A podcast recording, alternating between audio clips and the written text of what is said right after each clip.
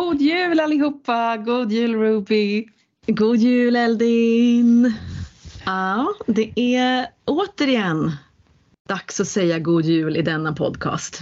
Ja, fjärde gången är det va? Ja, det är fjärde gången. Jag satt och tittade på alla julspecial.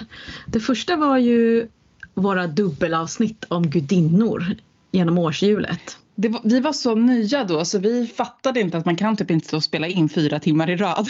Nej. Man blir helt Nej. slut. Man kan säga gjorde vi då. Ja, vi gjorde det och det fantastiska eh, nybörjarmisstaget födde också traditionen dubbelavsnitt jul och nyår. Ja. Och sen och julen efter och nyår då hade vi ju tema divination. Tarot och astro. Ja. Och förra året så hade vi Runor. Oh. Ja, och i, i år har vi ju verkligen va- valt lite grann att eh, slå på stort. slå på stort och eh, öppna vyerna, blicka ut över vidderna eh, och eh, bjudit in en ännu mer animistisk jul. Mm. Och också, ja, men vårt, ska man säga att vårt tema lite grann är Norden? Ja, Både innehållsmässigt, att det kommer handla om nordisk, eh, men nordisk animism, nordisk eh, mytologi, allt nordiskt. Och det kommer vara med nordiska gäster, utom svenska nordiska gäster. exakt. Det kommer det verkligen vara. Ja, men innan vi verkligen avslöjar eh, exakt vem och vilka så vill jag bara eh, fråga dig hur ditt år, liksom ditt mugglarår har varit här nu sen du drog din algisruna fram till nu. Har du börjat säga hej då? Mm, det har jag. Men alltså det är kanske en av de runor som jag tycker jag har svårast att säga hej då till. Alltså. Jag, jag har svårt att se att någon runa ska kunna toppa Algis. Den har varit liksom, den kom ju för, den kom ju där förra vintersolståndet till mig med ett löfte om för, förvilda, det var mitt ord för 2023. Mm. Förvilda mig själv. Mm. Och det var både liksom själsligt och eh, fysiskt att jag ville flytta ut i skogen. Och jag, ville, och jag började gå den här druidutbildningen eh, för att liksom på något vis jobba med verkligen de vilda väsendena liksom, i, no, i någon tradition och sådär. Och ja, det, det har ju varit lika härligt som det låter det här året. Mm. Så nu är det bara att se vad, vad, liksom, vad kan födas mer så här, typ långsiktigt ur det, tänker jag. Liksom. Vad kan, vilket liv kan jag liksom bygga för mig själv Mm. utifrån det som jag har liksom gått in i det här året. Jag har inte dragit någon eh, årsruna för 2024 än när vi spelar in det här. Så oh, I don't know yet. Men man, ni som har lyssnat på podden under året vet ju också att du har trollat massor. Gjort väldigt Mm. mycket ceremonier och ritualer för att mm, verkligen förkroppsliga den här längtan. Och Mm. nu så ska ju kroppen din ut i skoga. Ja, den är, den är liksom, precis nu när vi pratar så har jag ju börjat packa saker. Jag har inte riktigt flyttat än men det blir ju lagom till att jag ska kliva in i nästa. Nästa vända. Halleluja! Praise the Lord! Du då? Hur har ditt år varit? Jag din runa? Ja, jag har ju jobbat med eh, Dagasrunan som verkligen har varit en eh, otrolig eh, eh, wake-up call för mig. Det här med att man verkligen kan göra förändring i dagsljus så att säga. Att man inte alltid måste jobba med mörkret. Mm. Eh, och det har varit jättelärorikt och det har varit roligt och jag har också märkt såklart att när man börjar liksom hylla sig själv och sitt arbete så blir det lite mer projiceringar. Eh, men that's fine. Alltså jag har verkligen fått till mig att så, här, så länge jag kommer från en plats av kärlek eh, och eh, kärlek till människor, kärlek till jorden, kärlek till naturen, till magi eh, så är det okej att folk blir upprörda på mig och arga. Eh, det är faktiskt inte så jobbigt. Eh, jag tror att eh, jag alltid har kunnat göra det i mitt yrkesliv men att Rebecka alltid har tyckt att det har varit jättesvårt. Mm. Men Att det liksom har hindrat dagens kraft typ, att stråla. För jag tänker dagens kanske handlar om det också. Att, liksom, att stå i sitt ljus, att stråla, att skina. Liksom. ja, men det har varit lätt att vara underdog. Mm. Mm. Så att jag lite grann, jag har typ, ibland har jag när jag har kallat på dagar så har jag typ kallat in typ så här Beyoncé. Gud vilken bra illustration av ja. Jag bara, vad skulle Beyoncé göra nu? Vad skulle Madonna ah, göra nu? Uh. Vad skulle Cher göra i det här ögonblicket? Lady Gaga eller så. Det har varit mm. jättefantastiskt. Jag gillar ju pop också. Så du är the Beyoncé av häxvärlden just nu alltså? Nu är jag Beyoncé av häxvärlden och jag tänker dock att nästa år kommer komma med eh, lite andra utmaningar för att eh, jag tror att jag kanske också eh, släppte lös lite mycket mycket och, kanske inte helt eh, kunde kontrollera liksom, mm, arbetstimmar och tid och så vidare. Man skulle kunna säga med eh, mer vanliga ord att, man, att jag har jobbat för mycket. Det här med ljuset, elden och ut, det förbrännande. Liksom. Det förbrännande, precis. Ja. Men jag tror att jag faktiskt har liksom för, förskanskat mig så pass mycket kunskap att jag liksom har insikten innan mm. att, eh, vad jag är på väg. Så att jag, jag är inte orolig men jag kände det faktiskt eh, mm. för första gången på många år. Men så det är spännande. Jag, ska, jag är lite glad att säga hej då till den runan och hoppas att det kommer något eh, stabilt. Typ Jara.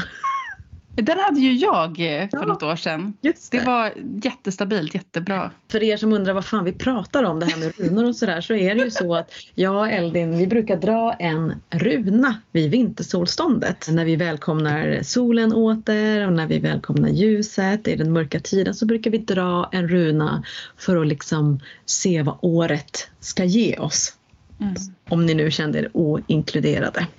Och det kan man ju, alltså om man nu känner sig så här, oh jag vill också, så är, är det inte för sent för att så, vintersolståndet har passerat. Alltså det är ju en, vi jobbar ju inte med någon specifika någon kalender så, utan det är ju liksom tidens kraft. Och vi har ju dels runspecialet från förra året som man kan lyssna in sig på om man känner sig jag vill veta mer om det här. Och man kan ju jobba med andra divinationsmetoder också. Man kan ju dra ett kort för året eller alltså det finns ju så mycket. Så att, och det finns det ju också som sagt ett helt julspecial om. Så, yeah.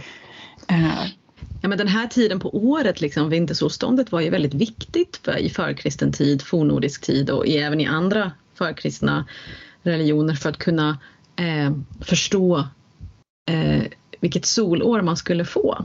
Verkligen. Men det finns ju liksom nedtecknat just den typen av med olika mm. divination. Som vi pratat om någon gång förut tror jag, det här med årsgång. Att man ska ja. ut och gå. Alltså det är liksom så här spökig tid där man kan ja. få visioner. Man går ut och går men man kan också få läskiga visioner. Så att vi blir jagade av olika typer av monster. Men vi, vi kör en lite mer safe variant här och drar ja, runa eller kort eller någonting.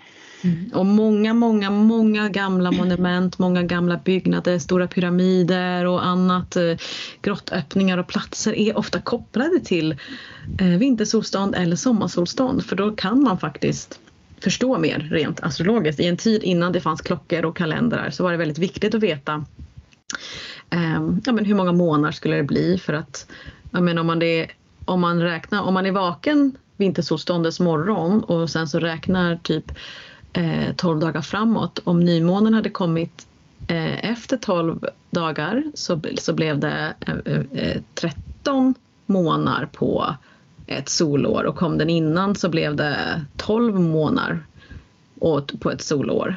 Mm. Alltså det här med skottår och sådär. Nu är jag inte säker på om jag säger exakt rätt men det är ungefär någonting i den stilen. Liksom. Så att, mm. Eh, det är inte bara jag och El, Elin som hittar på det här. Det finns... inte, inte helt. Inte helt liksom. Det är ju jul och det är ju så att vi då har en julutlottning till våra Patreons. Ja, julklapp! Och det är ju en av våra Patreons som mm. har gett den här gåvan. Så det blir ja. en slags cirkulär ekonomi på Patreon. Ja. Ni är så fina ni som delar med er av era, era skapelser. Det är ett tryck som konstnären Ida Lindeborg har gjort och det är original linoleumtryck och det är eh, lite så här blåaktigt. Hon kallar det för stormblått ingresspapper. Ja men ni måste ju kolla på hur det ser ut. Men jag älskar verkligen... det här. Alltså jag, jag blev så besatt när jag såg den först på hennes Instagram. Det är ju en kittel med häxhattar runt. Alltså nu beskriver jag jätteytligt, det lät inte lika mäktigt som, som det är. Men alltså jag bara, jag drömmer om att få ha den här på min vägg. Men, men eh, jag har lite stram ekonomi just nu för att jag ska flytta. Så Lillo den som vinner den här. Alltså jag är så avundsjuk. Ja. Alla Patreon eh, från, eh, eller från Crone till Mother och Lover är med i den här utlottningen. Mm. Mhm. Och presenteras på Patreon. Och såklart Tusen tack alla Patreons för Ja, stödet för det här 2023. året. Och kom ihåg att vi har ju börjat med någonting nytt som heter lyssnafrågor. Alltså ni kan eh, skicka en fråga till oss som ni spelar in och så, så spelas den upp i podden. Och om ni tycker att det är jättejobbigt att ha er röst med så kan ni bara skriva frågan så läser vi upp den och så svarar vi på den. Och det går alltså jättebra att skicka era frågor till våra Instagram som då är Eldin Earthwitch eller Wild Herbarista eller så mejlar ni till formodrarsmakt@gmail.com. Vi vill ha era lyssnarfrågor. Mm. Ska vi kasta oss in i vår nordiska julafton? Ja, det ska vi. Och eh, gjest gäst idag är född i Norge, bor i Norge. Det är ingen mindre än Maria Kvillhaug. Maria är en författare som eh, visserligen är norsk, men alle alla hennes verk är skrivna på engelska. Eh, den bok som, som många kanske har läst och många känner till är ju The Seed of Yggdrasil. Men hon har också skrivit The Maiden with the Mead, hon har skrivit The Blade Honor-serierna och hon har en otrolig levande Patreon-kanal som heter Lady of the Labyrinth. Och Youtube. Och Youtube också precis. Och på ett sätt också är det kopplat till hennes Facebook-sida. Mm. Så hon eh, kommer från, alltså hon är ju författare som kommer från en akademisk bakgrund, både liksom antropologiskt, historisk, eh, og, og, og och religion, religionsbaserad, alltså för kristen tid i Skandinavien. Mm. Hon har ju precis, hon har ju pluggat religionsvetenskap. Och hon gjorde ju en uh, thesis uh, i 2004 som heter The Maiden with the Mead, A Mm. Goddess of Initiation in Old Norse Myths. Det är ganska många eh, från det gamla gardet som kan bli väldigt upprörda och arga när man möter eh, Marias sätt att se på de eh, nordiska myterna. Varför Ställer mycket på sin spets vad gäller kön, identitet, gudinnan, guden. Så att det är otroligt eh, eh, mäktigt att lyssna Jag bara, på varför henne. då? Varför blir någon arg? Jag vet inte riktigt. Jag känner mig lite supernaiv här. Bara, det var jättebra allting. Ja, alltså men jag vet det. Men om man är inne på hennes Facebook så får man ju, blir man ju mörkrädd av hur folk Oj, liksom ska ja. säga till henne att hon är amatör, att hon, att hon inte vet, att hon inte har någon aning och att minns, män var minsann män och bla bla bla. Du vet det där. Hon, Mm. hon är ju Alltså hon är så pass duktig att folk blir provocerade liksom. Mm. Mm. Så ja men vi, eh, vi försökte. Eh, alltså vi hade ju så många frågor Eldin men det här avsnittet behandlar några av våra frågor. Mm. Vi valde ut, till, alltså Maria Kvilhaug har ju kunskap om ett otroligt brett spektrum. Hon har skrivit så mycket, hon har forskat så mycket. Så vi valde ut våra favoritämnen Ja. i den nordiska mytologin. Helt Håll till godo. med henne. Och håll i hatten och sätt dig ner. Nu kör vi!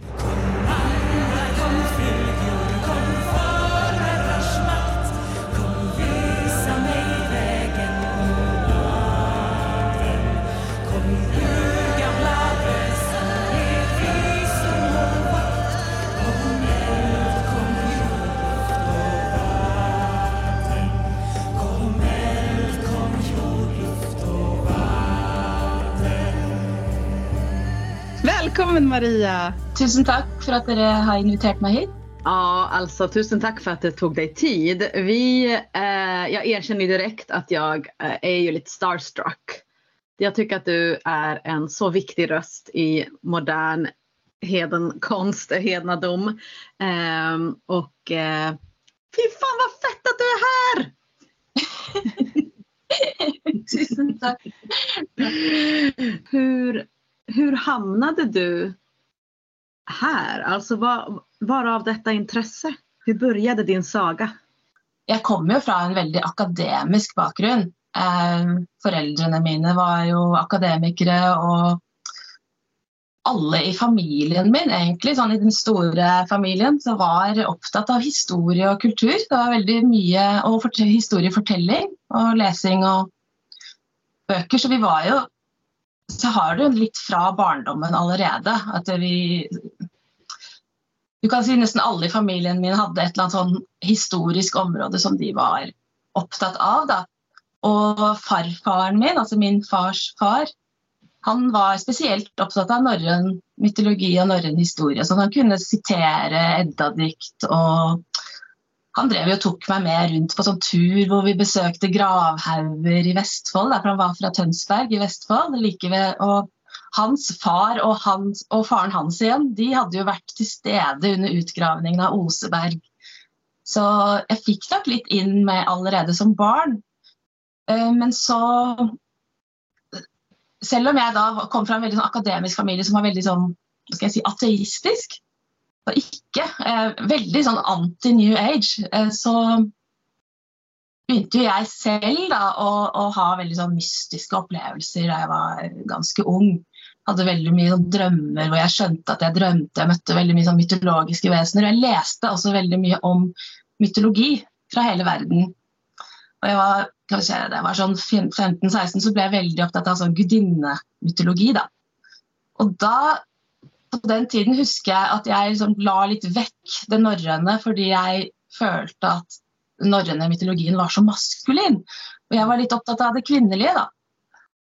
Eh, og, og, sånn gikk det. Men så eh, flyttet jeg til England da jeg var 21, tror jeg. 20-21 år. Eh, da bodde jeg i England en stund, og da drev folk hele tiden og spurte meg om norrøne myter. Og da kunne jeg jo ganske mye, da, siden jeg hadde vokst opp med dette her.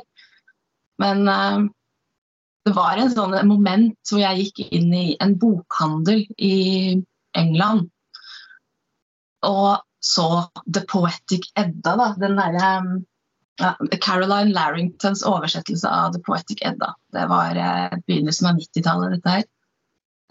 Um, og jeg ble veldig sånn overrasket. Jøss, har de den på engelsk? Liksom, det, det, hadde jeg ikke forestilt meg da, på den tiden der. Dette er jo før internett og alt. Så jeg, jeg, var ikke oppmerksom på at folk i andre land var så interessert, eller at, at Edda-diktene fantes engang i engelsk oversettelse. Så av en eller annen grunn da så stoppet jeg foran denne boka til den burde jeg kjøpe. Og så tenkte jeg nei, vet du hva, jeg har den jo hjemme. Altså, vi hadde den jo hjemme på norsk. ikke sant? Det er jo nærmere språk, det originalspråket. Så da tenkte jeg nei, da jeg venter til jeg kommer hjem til sommeren. ikke sant?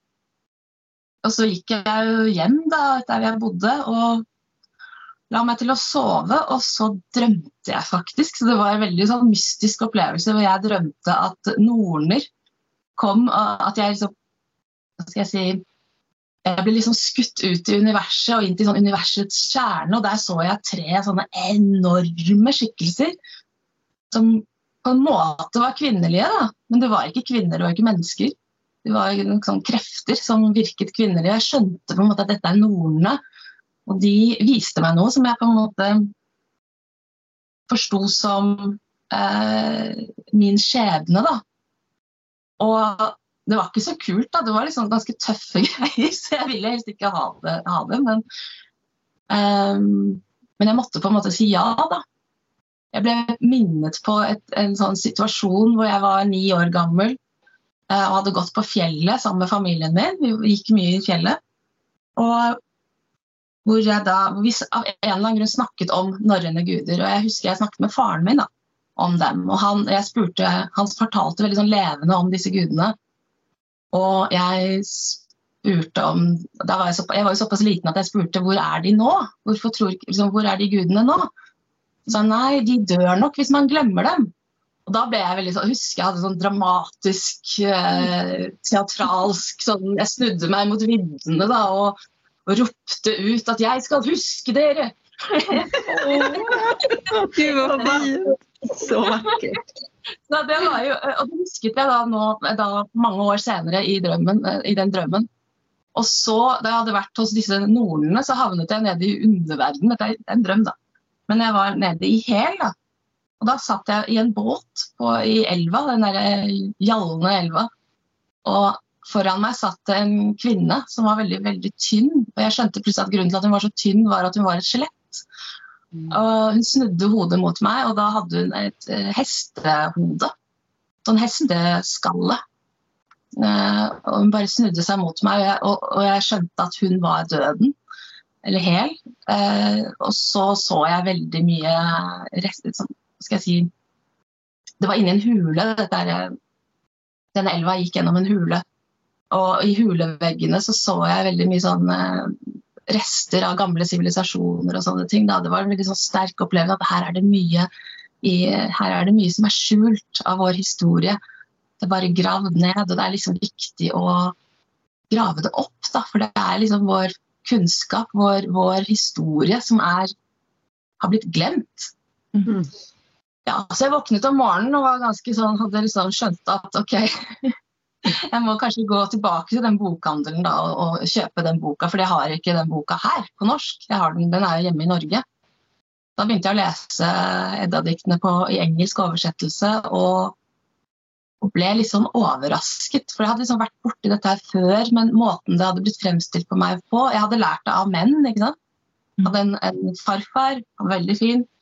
Jeg hadde en far, eh, veldig flink. Eh, jeg hadde hørt dette her, jeg hadde lært om det på skolen.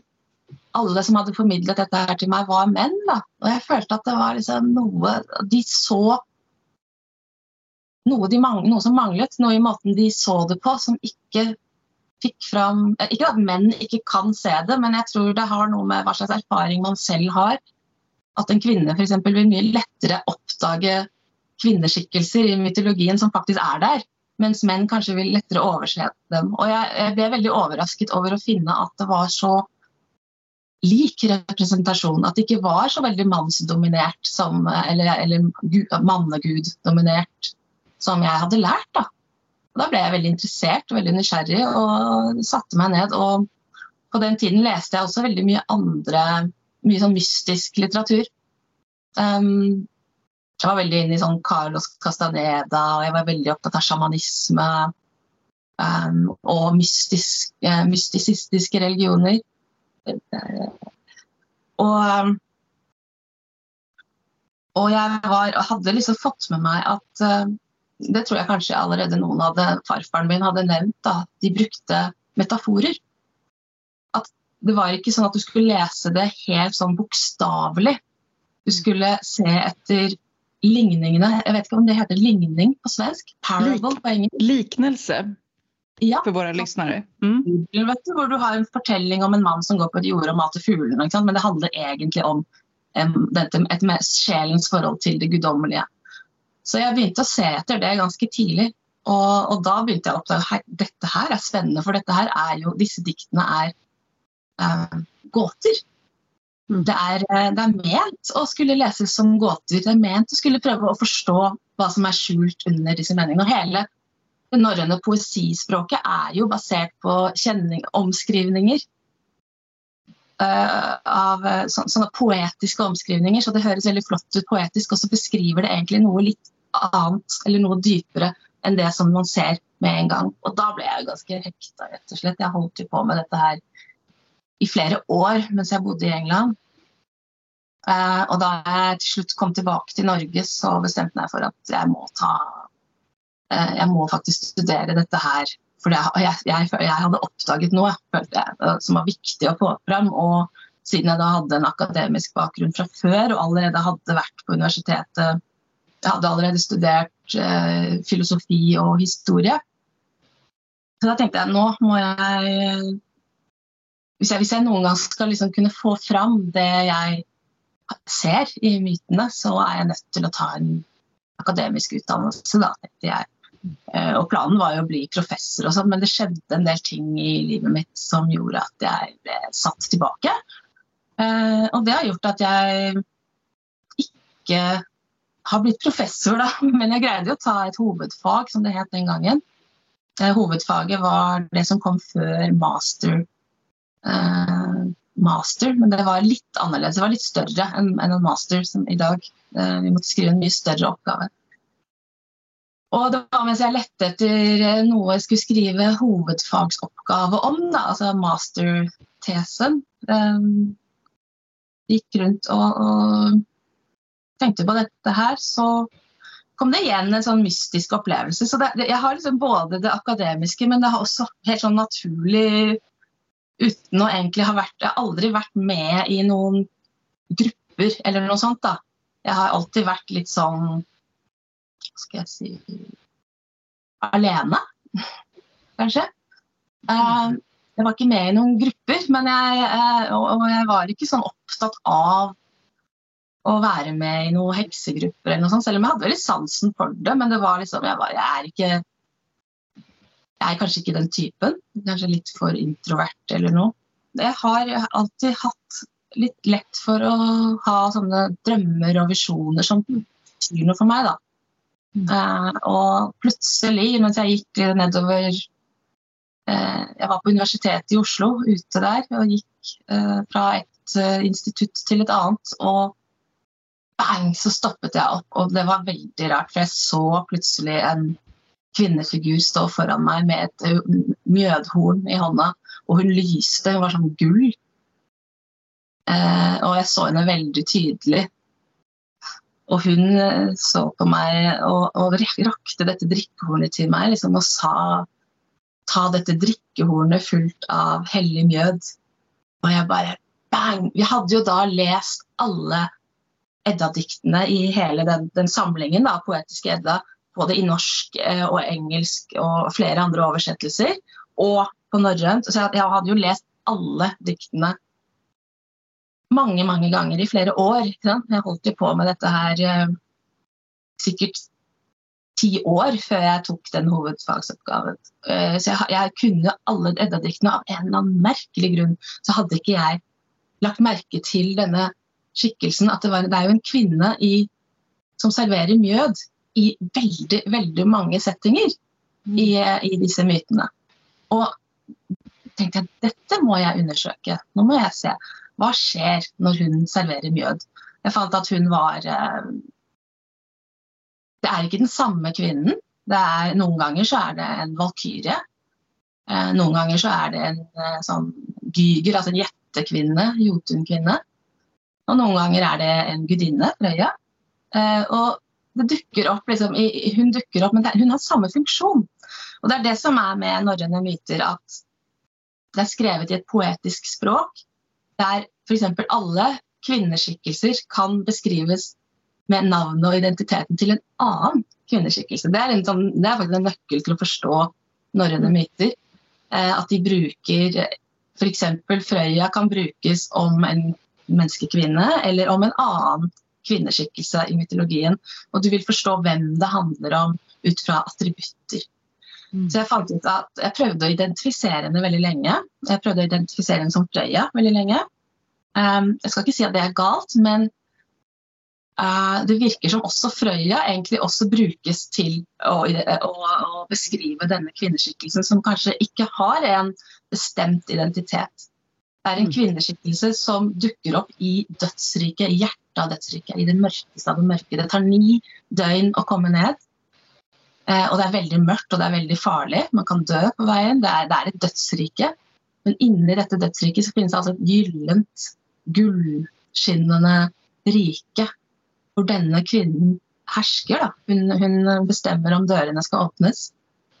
Eh, og den som klarer å komme inn der, til henne, den får denne mjøden fra henne. Og den mjøden er jo det er den samme mjøden som Odin får av Gunnlød.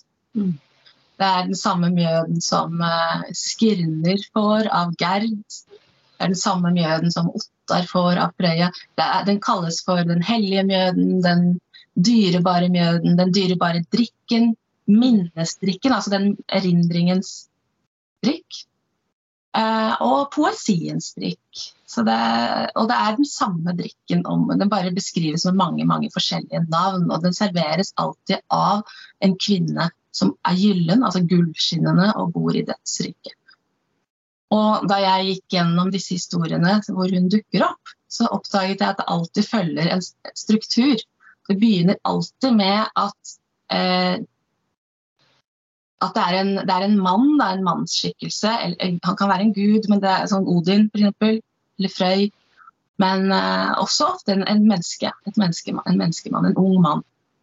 Uh, han må først uh, gjøre noe som jeg kaller for en vision quest. I mangel av bedre ord, men han, han, gjør ting. Han kan f.eks. henge på ni døgn på verdenstreet, som Odin gjør. Det går også an å sitte i et spesielt sete hvor du ser ut inn i alle verdener. Du kan sitte på en gravhaug. Um, sier dere gravhaug? Mm. Grav, uh, gravhaug ja. eller røse. Mm. Ja, røse, ja. Mm, man kan sitte på den. Han kan gå i en hellig lund. Han kan uh, sove ved en elv og krysse elven i drømme. Han kan gå høyt opp på et fjell, et hellig fjell. Helgafjell. Um, og, når han gjør dette her, så mottar han en visjon. Og det er stort sett denne kvinnen som dukker opp i visjonen, eller noen som forteller han om denne kvinnen. Eh, og da får han en misjon, da, det er noe han må gjøre. Så det kaller jeg for visjonen. Så er Vision Quest uh, fullt av The Vision. Altså når han, når han, får se hva det er han skal. Da. Han får en oppgave. Og så eh, drar han ned i underverdenen, og der er det veldig mye prøvelser eh, som han må overkomme. Og no, sånn, en interess veldig interessant eh, versjon av denne historien finner vi i Helge, Helge, Helgekvadene, eh, hvor eh, Helge må ned i eh, underverdenen, men han, han, han møter, han må inn i jotunverdenen. Da. Det varierer litt, nemlig om det er tydelig dødsrike vi snakker om, eller jotenenes, altså gjettenes rike. Og de, de, overlapper litt med hverandre, ser det ut til. Så det er en slags eh, overlapp mellom jettenes og, eh, og, og døds, Jettenes rike og dødsriket. Og, og, han må slåss, Helge må slåss mot noen gjetter, da. Og de heter Hati, og det betyr hatet. Altså the hatred. Mm. Og så må han slåss mot en annen som heter Hronar, og det betyr rasende hav. Eh, altså, så, det, så, jeg tolker det som at han må slåss mot hatet og raseriet.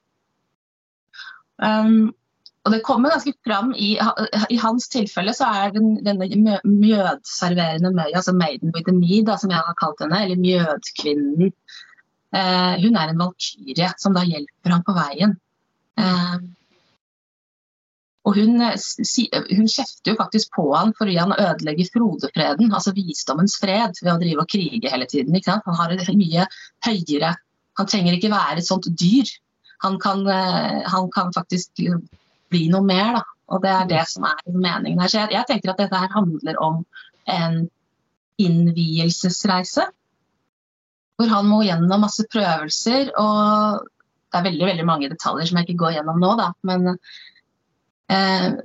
når han først kommer ned til henne, så får han eh, han, han, opplever en eh, det som jeg kaller for resurrection fra de døde. Eh, han får ny kunnskap, han får en ny status.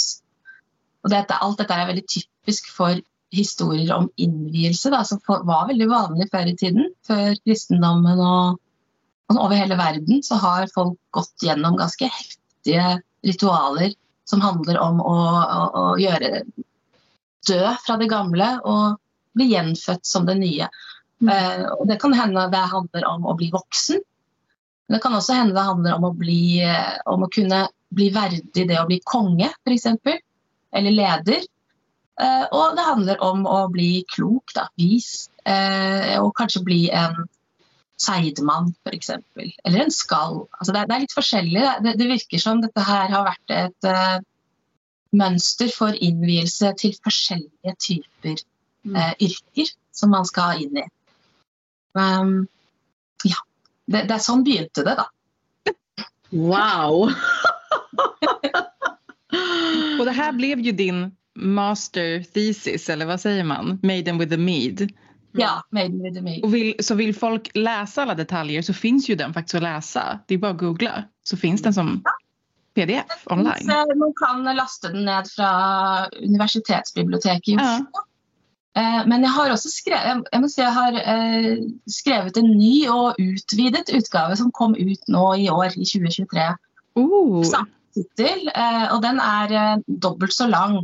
Så der har jeg gått mye mer i detalj. da. Så, wow. Eh, den, den säljes eh, som bok. Ja, härligt.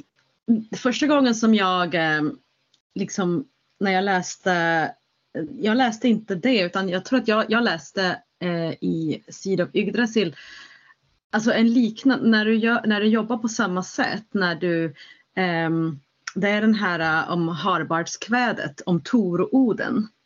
Ja. Uh, jag tror att jag kan ha sagt det till dig Elin någon gång men att jag, fick, att jag verkligen blev så här, men det här är så stort.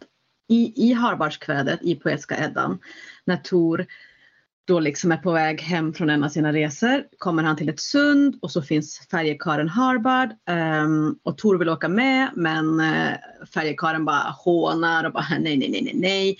Tor blir arg, han bara jag ska komma över och liksom använder sin ilska. Uh, och så håller, och dikten handlar om hur de liksom har det här ord, ordväxlingen liksom och Tor blir argare och argare men han är typ maktlös inför den här Og Och mm. Tor liksom bara skriker bara, ja, men typ så här, din slem är hög, jag ska slå ihjäl dig om jag bara kunde nå dig och sådana här saker. Men det visar sig ju då i kvädet att det här är Oden i förklädnad.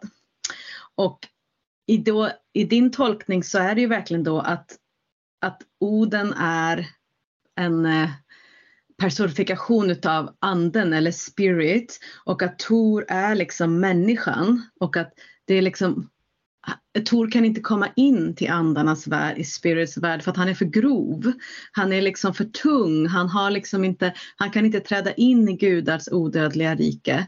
Och att, eh, att han då i, i det här liksom bråket till slut, efter, nu berättar jag jättefort, men i kvädet till slut Alltså såhär, Tor håller på att säga ja men jag har slagits mot häxor och de var varginnor och de har slagit sönder mitt skepp och då säger bara Harvard, jag tycker det är liksom skamligt att du slåss med kvinnor och han blir ännu mer arg och håller på.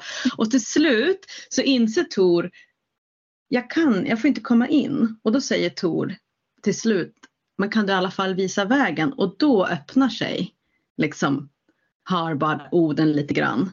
Eh, och i den här då så säger han att han ska gå till sin mor, till Lodun eller Fjörgyn som hon kommer vägleda honom och hans ett, människorna till gudarnas land. Och när jag läste den här så var jag bara så här, det du pratar om här är ju att Oden själv säger till människorna att söka sig tillbaks till Moder Jord, till det här vilda feminina eh, som vi har bekämpat så himla mycket. Eh, för, och hon kommer visa vägen. Eh, så jag, när jag läste det här blev jag bara så här, oh, gud. Eh, en befrielse liksom i att man känner att, att Tor som arketyp som man har lite svårt att greppa men att han eh, på något sätt säger också ja till att så här, okej, okay, visa vägen. Och det är ju på något sätt likadant som den här Maiden and the Mead, att det dyker upp, här dyker ju inte Maiden upp, men det är liksom den kraften. Jag vill tro att det, den maiden dyker faktisk også opp eh, i Hårbergsljod. Okay. Der skryter jo Hårberg, eller Odin, om at han har eh, han har vært i armene til den linlite Møya. Ja. Det er en veldig typisk måte å beskrive denne Møya. Da, at hun er lys, altså hvit på linhvit Altså hvit på norrønt betyr lysende the bright. Så mm. dette her er, og det er jo sånn hun beskrives hele tiden. Så han har jo, han faktisk sier jo det, da, at ja, mens du drev og sloss med banket opp kvinner som en feiging, så lå jeg i armene til den linhvite Møya. Mm. Er alltid, omtalt som Møya, altså maiden, uh, mær, May. Uh, så hun dukker opp i veldig mange andre, sånn andre setninger. Hun blir referert til flere ganger. Uh, men får jeg fråga da? Er, er, liksom, er den her The Maiden with the Mead, Er det liksom en type av Supreme Goddess eller er fin, alltså hur, hur förhåller sig alla de här, för du sa också att så här, det är inte egentligen att Freja har kanske en egen identitet utan det är mer kan du förklara, hur hänger alla de här olika kvinnliga väsendena ihop med varandra? Som du tolkar det liksom jeg, jeg, personlig så tror jeg at uh, denne Møya med Mjøden representerer en uh, kraft. Uh, Guddommelig kraft, sikkert. Som, som, man trenger å oppsøke for å få tilgang til denne, det mjøden representerer. Altså visdom, kunnskap, guddommelig visdom. Kunnskap om hvordan du over, overvinner døden. Um, så akkurat hvem hun er altså Hun kunne jo like gjerne vært hel, som er både død og, og liv på samme tid. Det er, det er en del, så, Hvis man skal se på likheter, som jeg, sånn, sånn, som jeg ser det, så har du et konsept innenfor zoroaster-religionen. Som, eh, det var jo på en måte en, sånn, en av de første sånn, monoteistiske religionene, men den hadde ikke helt fått den monoteismen på plass ennå. Den godtok noen guder og gudinner. Eh, og en av disse som var gamle, gamle persiske guder og gudinner. Og der har de én gudinne som heter Diana. Hun er en gudinne, men hun er også, samtidig som hun er én gudinne, så er hun også et vesen som eksisterer inne i alle mennesker. Absolutt alle. Vi har alle en Diana. Og hun viser seg til oss f.eks. når vi dør. Og hvordan hun viser seg for oss, det reflekterer på personligheten. Så hvis eh, hvis man eh, har vært slem, da, så vil hun dukke opp som en illeluktende, jævlig kjerring som bare skriker og, til deg og ikke er noe særlig hyggelig. Og hvis du har vært en god person, så vil hun være veldig vakker og mild og myk og vise deg veien til uh, det hinsidige, da. Så hun um, Jeg tenker at vi kan ha å gjøre med en slags gudinneskikkelse som er forbundet med menneskenes sjel. Altså individets sjel, som både er ett stort guddommelig vesen i universet, men også et guddommelig vesen som vi selv har inne i oss. Og veldig mange av disse fortellingene om henne handler om å vekke henne opp. da. Hun ligger og sover. Mm. Og jeg ser det litt i sammenheng med at Snorre forteller oss at uh, det fins tre typer norner.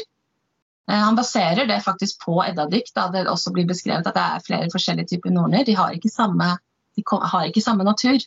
De har ikke samme ett. Eh, så vi har alle en norne inni oss, sier Snorre. Alle mennesker får en norne tildelt når vi blir født.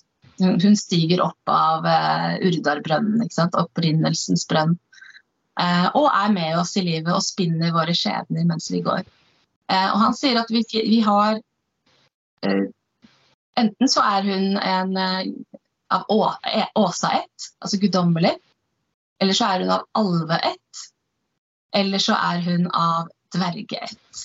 Og, dverge, og, og, og, da kalles de for døtre av Dvalin. Dvalin betyr Har dere det ordet på svensk? Dvale. Dvale, ja. Mm, søvn. Og det er ganske interessant at denne kvinneskikkelsen stadig må vekkes opp fra søvnen. da, For å kunne dele sin kunnskap og visdom med, med, disse som vekker henne opp. Det handler om å liksom gå ned i underverdenen, ned i dypet og møte masse F.eks. måtte bekjempe hat i seg selv. Eh, og, og, vekke henne opp for å motta denne kunnskapen og for å få henne til å leve. Da, da, hun opp, da kommer hun jo som en gudinne eller valkyrje, men så lenge hun er nede i underverdenen, så er hun jo en eh, Da er hun jo gjemt, da. Eh, og, og, kan like gjerne være en negativ figur, som en sånn døds, dødsrike Altså ikke negativ, da, men dødsdødens figur. Så hun kan like gjerne være død. Mm. Eh, men hun kan også være gjenoppstandelse. Eh, jeg, jeg, ser det litt som en, en uh, gudinnekraft som er bortenfor disse her personlighetene. Hun er, hun er, kanskje verken Hun er kanskje i både Frøya, Frigg og, og Idun og alle disse andre gudinnene. Eh, men hun er også i oss. da. Hun er, eh, hun er, et større vesen. Hun er ikke en av disse personlighetsgudinnene. Hun er mer en, en kraft som er både jeg vil kalle det kanskje gudinnekraften, eh, men også en kraft som er inni oss og forbundet med vår sjel. og Det er veldig, veldig viktig da å vekke henne opp. Fordi hvis man har en, sånn som Snorre fortalte, disse her nornene som sover, da, eller, eller som, som, jeg tolker det, de er døtre av dvalen. Eh, hvis du har en sånn norne, så blir skjebnen din litt sånn Altså, det, det går i søvne, da. Du mm. får ikke en du, men, Mens hvis du klarer å vekke henne opp, så kanskje hun blir en mer sånn alve eh, alvenorne eller guddommelig norne da, som kan få deg til å, å, få kunnskap og bli klok. Det handler jo veldig mye om, De var veldig opptatt av det der å bli klok Mm. og, og få kunnskap og utvide. Og det, altså Odin er jo bare Han søker jo kunnskap hele tiden. Det er liksom det han er. Mm. Eh, Grunnen til at jeg tolker Odin som ånd, altså ande. Det er jo fordi han, det er jo det, hans gave til menneskeheten er jo det. Det er jo ande. Mm. Han gir vår, oss and, og det betyr både pust eh, og, og ånd Mm. på samme tid. Det er, det, han, det er hans gave til menneskene. Og navnet hans, Odin, betyr jo også på mange måter poesi, kunnskap, eh, ekstase. Ja, altså bevissthet. Det, det er jo det han representerer. Så det er sånn jeg ser, ser på disse gudene og gudinnene som slik som de fremstår som oss, så er det jo en kulturs, en menneskekulturs måte å beskrive noe som eh, i, gjøre det veldig tilgjengelig. Gjøre dem til menneskelignende skikkelser. Eh, jeg tror jo ikke de egentlig er menneskelignende skikkelser. Samtidig så tror jeg på dem. Eh, men jeg tror de representerer eh, krefter som er langt bortenfor det menneskelige. Det er kosmiske krefter her som eksisterer både i universet og på jorda og i alt som lever. De, de eksisterer, men de er ikke som mennesker. Når, de, når, de når vi har myter som forteller om deres liv som, som om de var mennesker, så er det jo menneskenes måte å prøve å beskrive hvordan disse kreftene fungerer, også i oss. Både i verden og i oss. Det er sånn jeg tolker det. da. Wow, altså my head is spinning. Jeg tenker så mye. Nei, men jeg tenker også på at dvergene ofte er kopplade med underjorden, at de verker og bor i berget. Jeg tenker på Tønrosa som, som sover veldig lenge til det er dags for henne å våkne opp. Jeg tenker på, jag tänker på lilla Snövit som också måste sova tills det är dags att vakna upp. Och jag tänker på Odens råd till Tor att du ska återvända till jorden för att kunna komma in till nästa steg. Men sen tänker jag också på, när du pratar om det där så bara fick, tänkte jag på Audhumla som alltid är en sån här gudinnekraft som inte går att placera någonstans för att det är fokus på att Ymer föds där i Ginnungagap men där är också hon. Har hon varit där hela tiden? Audhumla hun nevnes bare av Snorre. Men hun har jo helt sånn klare paralleller i, i vedisk eh, religion, hvor, eh, hvor, hvor universet begynner med Brahman, som er et eh, universalt vesen eh, som verken er mannlig eller kvinnelig. Eh, men så verden skapes når den, denne Brahman deler seg opp i to. Og ut av munnen til Brahman kommer den kvinnelige delen som tar form av en ku. Og som representerer Brahmans stemme. Så verden blir til idet Brahman begynner å snakke, og denne kua er Brahmans stemme. Jeg skal ikke si at det er akkurat sånn i, i eh, at Audhubla er nøyaktig det, men eh, det er veldig interessant at Audhumla, altså Aud, Auder betyr jo overflod. Eh, og humla har vært mye diskutert, men hum, humla er sannsynligvis det samme som humle, eller hops på engelsk. Eh, og det har man jo gjerne i brygg, altså i drikk. Så her har vi jo da og det er veldig mye, og, og i disse skapelsesforretningene så er det veldig mye snakk om Det er veldig mye elver, elver og strømninger og vinder og, og stemmebruk, da, eller lyd, som dukker opp i, i skapelsen. Og, eh, og Audhumla representerer jo da den aktive prinsippet. På samme måte som i vedisk religion. at er- hun, hun, hun slikker jo fram alt sammen. Det er jo hennes varme tunge som gjør at eh, disse gudene dukker opp. Hun, hun slikker dem fram fra dødens is. Mm. Uh, og, og hun og hun fram, hun, hun gir jo også næring da gjennom, denne, gjennom å slikke på dødsrikets, altså Nifelheims, tåkerikets is. Så slikker hun både fram gudenes stamme og nærer da denne Ymer, som, er, som betyr altså Ymer er jo, tenker jeg, kommer fra det norrøne ordet ymer, som betyr å ymte. Det er en lyd, en stemme, som hun nærer. Og som, det står jo også at den bygger seg opp. da. Den vokser, den bygger seg opp. Og, den, og det er jo Ymer som blir det fysiske fundamentet for hele universet. Og dette kan jo være én versjon av flere måter å fortelle om disse tidligste kreftene, disse tidligste urkreftene. Og vi gjerne ha, det er noe som ofte blir oversett i Edda-diktet 'Vålusspå', altså Volvens spådom. Um, og det er jo at denne volven sier rett ut at hun husker Altså hun minnes en tid før tiden ble til. Hun minnes de ni verdenene som fantes før vår verden. Hun minnes fordi hun selv vokste opp på den tiden, altså før tiden. Mm. Eh, hun var der helt i starten. Og det gjør at hun er, Både hun og Audhumla kan jo representere en, en ur, eh, urkraft som er kvinnelig, en gudinnekraft som, er, som kommer før alt det andre. Um, som, som, husker alt sammen, og som er uh, fundamentet. Altså, hun er den som setter i gang hele, hele, greia. Hun husker også at det har vært ni sånne trollkvinner før henne. Og alle disse trollkvinnene har eksistert inne i treet, altså det er ividjer. Uh, så det har vært ni verdener før vår verden. Og, det, og hver verden kobles sammen med ni ividjer, som betyr trollkvinner som finnes i treet. Og treet representerer jo da universet. ikke sant? Det høres ut som vi snakker, har å gjøre med en volve eller en trollkvinne. En urkvinnelig kraft som finnes inne i universet helt fra starten av. Eh, og hun, denne volven i Vålesbå er altså så gammel at hun husker da verden ble til, og hun husker til og med tiden før. Hun husker til og med de verdenene som fantes før. Så vi har en veldig gammel skapning. Det gjør henne eldre enn Odin, f.eks. Mm. Hun er en av de Hun er liksom, kanskje den eldste. i hvert fall, eh, og det er jo interessant at urd, altså Norden urd, det betyr jo opprinnelsen. Urd betyr origin, det er starten på alt. Um, så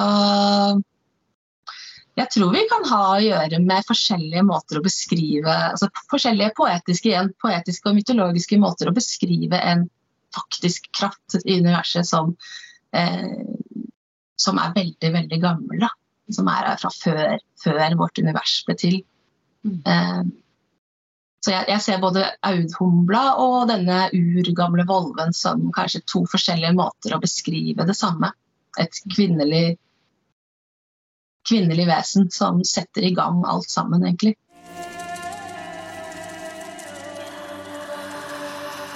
Nu när du prater om, om völvan, om du vill berätta lite mer om det, om liksom om eh, seiden, om, eh, ja, men om völvorna. Vad, vad, vad, är, vad seiden for någonting? Hvem kan utføre den? Nå har jeg nettopp, eller ikke nettopp, men altså, De siste årene så har jeg jobbet veldig mye med, med fortellinger om seid, altså sagahistorier om seid. Eh, og mytene om seid. Eh, og jeg har jo kommet fram til at seiden, som kan tolkes som på forskjellige måter. Den omfatter veldig mye forskjellig. Den omfatter divinasjon, altså orakel, orakeldivinasjon. Eh, men den omfatter også det som vi kanskje vil kalle for eh, trolldom, witchcraft, uh, sorcery. ikke sant? Den, den, har alt det der. Men den, den er ganske bred, da. Uh, Seiden blir uh, ifølge Altså, hvis vi nå tenker oss ut fra Vålesbå, så er seiden noe som volvene var eksperter på. Da. Det var jo liksom det de gjorde. De seidet. Sånn at vi har å gjøre med en urkvinneskikkelse, som vi snakket om nettopp, som er en volve. Som, som altså da eh, seider he, altså Hele verden er liksom Starter altså nærmest med en volve som seider. Så seiden er en, en, veldig, veldig, veldig sentral del av norrøn hedendom, det er jeg helt sikker på. Mye mer sentral enn vi har villet eh, innse. Det er utrolig mange historier, egentlig. Og den, den, den seiden er en del av en større, et større begrep som de kalte for fjølkyngi. Fjølkyngi dukker alltid opp som et ord i forbindelse med seid. Altså så å si alltid alle kildene jeg har sett på, på norrønt. Dette blir ikke oversatt, så i oversettelse forsvinner det. Eh, I oversettelse snakker de om trolldom eller kunnskap, og sånn, men i disse originaltekstene på norrønt så brukes ordet fjølkingi hele tiden. Og særlig i forbindelse med seid eller med lignende ting.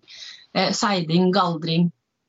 Alt det dukker opp i, i forbindelse med ordet fjølkingi. Og fjølkingi betyr stor kunnskap.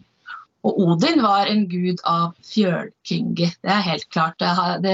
Fjølkingi omfatter seid, galdring, runer, eh, alle former for uh, ting som vi ville kalt for sjamanisme. Altså reiser ut av kroppen eller påkallelse av ånder. Uh, hamskifte. Og det omfatter også berserkergang og skallskap altså eh, poesikunsten. Alt dette her er fjølkingi og henger sammen. Eh, men seiden er da litt spesiell fordi den har med skjebnen å gjøre. Den, eh, med seid kan du endre skjebnen. Hva er det for ord du sier der? Skjebnen. Destiny. Fate. Ok, ødet sier vi på svenske Ja, ja nemlig ødet. Ja, der hadde vi et ord. Du kan endre andres skjebne, og du kan endre din egen skjebne. Du kan på en måte gå inn akkurat der hvor du vet, I Nordene så er du i, i Vålhusfoss så står jo Urd, den eldste Norden, eh, og Verdandi, som da betyr eh, altså Urd representerer da fortiden, og så har du Verdandi som representerer det som er nå. Eh, det som skjer akkurat nå. De står jo og, og skjærer runer inn i verdenstreet og skaper skjebnen. Og så venter på den andre siden så venter skuld, som er, betyr um, gjeld. Vet ikke, Hva sier dere på svensk? Skuld. skuld. Ja, det sier kanskje skuld. Altså man skylder noe. Just det. Mm. Det er fremtiden. Det er fremtiden skylder. Så kanskje seiden har å gjøre med å gå akkurat inn i det momentet hvor de skjærer disse skjebnerunene inn i verdenstreet. Akkurat der kan du endre på det som skal skje. ikke sant? Uh, så Seid ble regnet som den mest kraftfulle av alle former for fjørklinger. Det var liksom ingen ingen av fjølkingi-formene altså, Det var ikke noe stor kunnskap som var mer mektig enn seiden fordi det kunne endre selve skjebnen. Og skjebnen, skjebnen er jo den eh, rådende makten i universet. Til og med gudene må liksom underkaste seg skjebnen.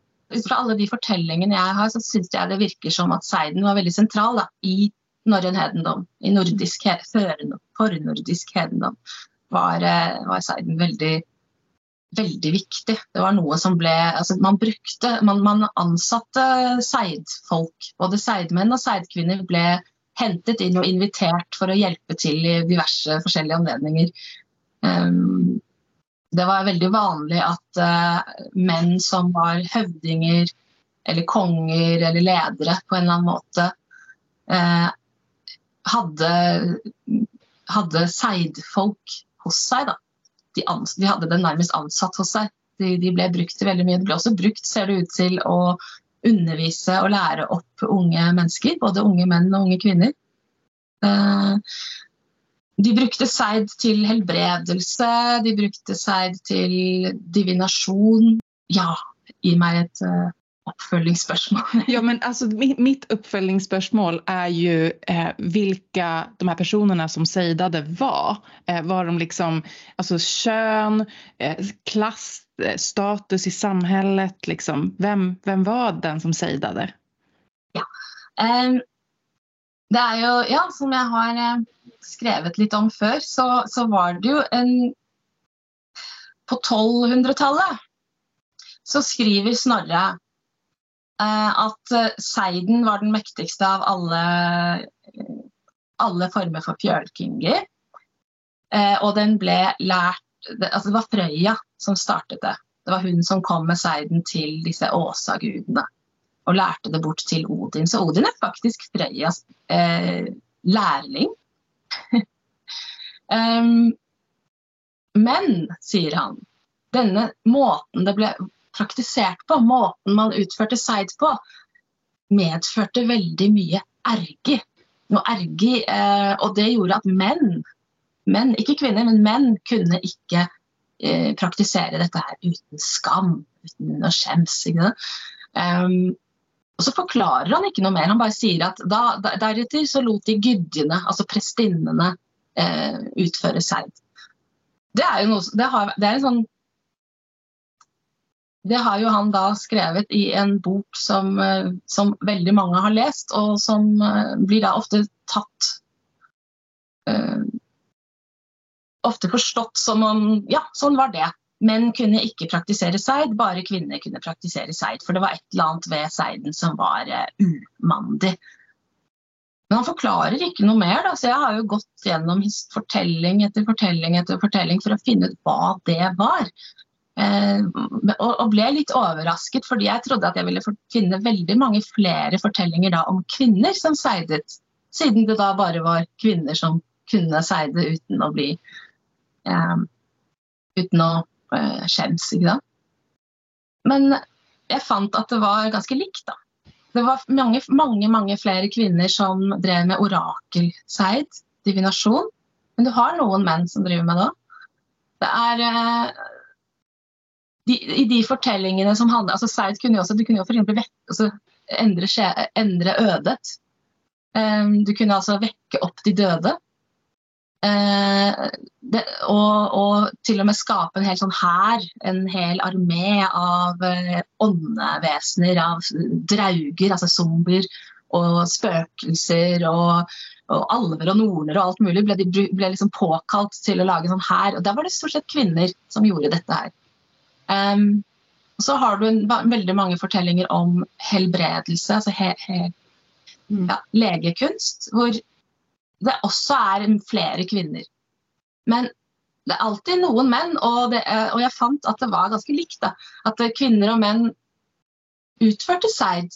Og det som var interessant, for hvis, dersom disse mennene blir sett på som så veldig umandige at erge altså Erge betyr på en måte perversjon. altså Det er noe veldig skamfullt. Eh, og i dette tilfellet handler det om en eller sånn form for seksuell eh, skam. da, Siden kvinner kunne gjøre det uten skam, mens menn fikk skam av det, så så er det tydelig et eller annet å gjøre med kjønn og seksualitet. ikke sant? Um, men, men, disse mennene ble de alle, altså, Deres status i samfunnet var ganske høy. Eh, også mennene.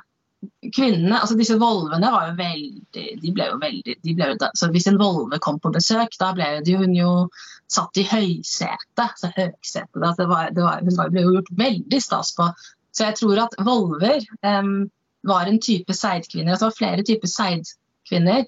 Men en volve var eh, kjennetegnet av, med sin stav, og hennes spesialitet var jo orakelseid. Så hun var jo gjerne et orakel. Og, de ble jo veldig høyt verdsatt. Og det er ganske påfallende at selv i veldig sene sagaer fra middelalderen, hvor folk var, hadde vært kristne i flere hundre år, selv til og med de Eh, beskriver disse kvinnene som, eh, som veldig eh, For det første at oi, de hadde alltid rett. Dette, mm. da snakker vi om, dette, Disse sagaene er jo skrevet av stort sett kristne munker og sånn. Og de, de, til og med de påpeker at denne kvinnen alltid hadde rett, og de beskriver henne på en veldig eh, respektfull måte. Så dette er nok, dette, altså respekten for volver har nok vært ganske sterk. Altså. Den overlevde til og med flere hundre år inn i kristen middelalder. Mens, eh, men alle andre former for seid, så har du både menn og kvinner. Og disse mennene som dukker opp, da, eh, de er også veldig sånn høy status.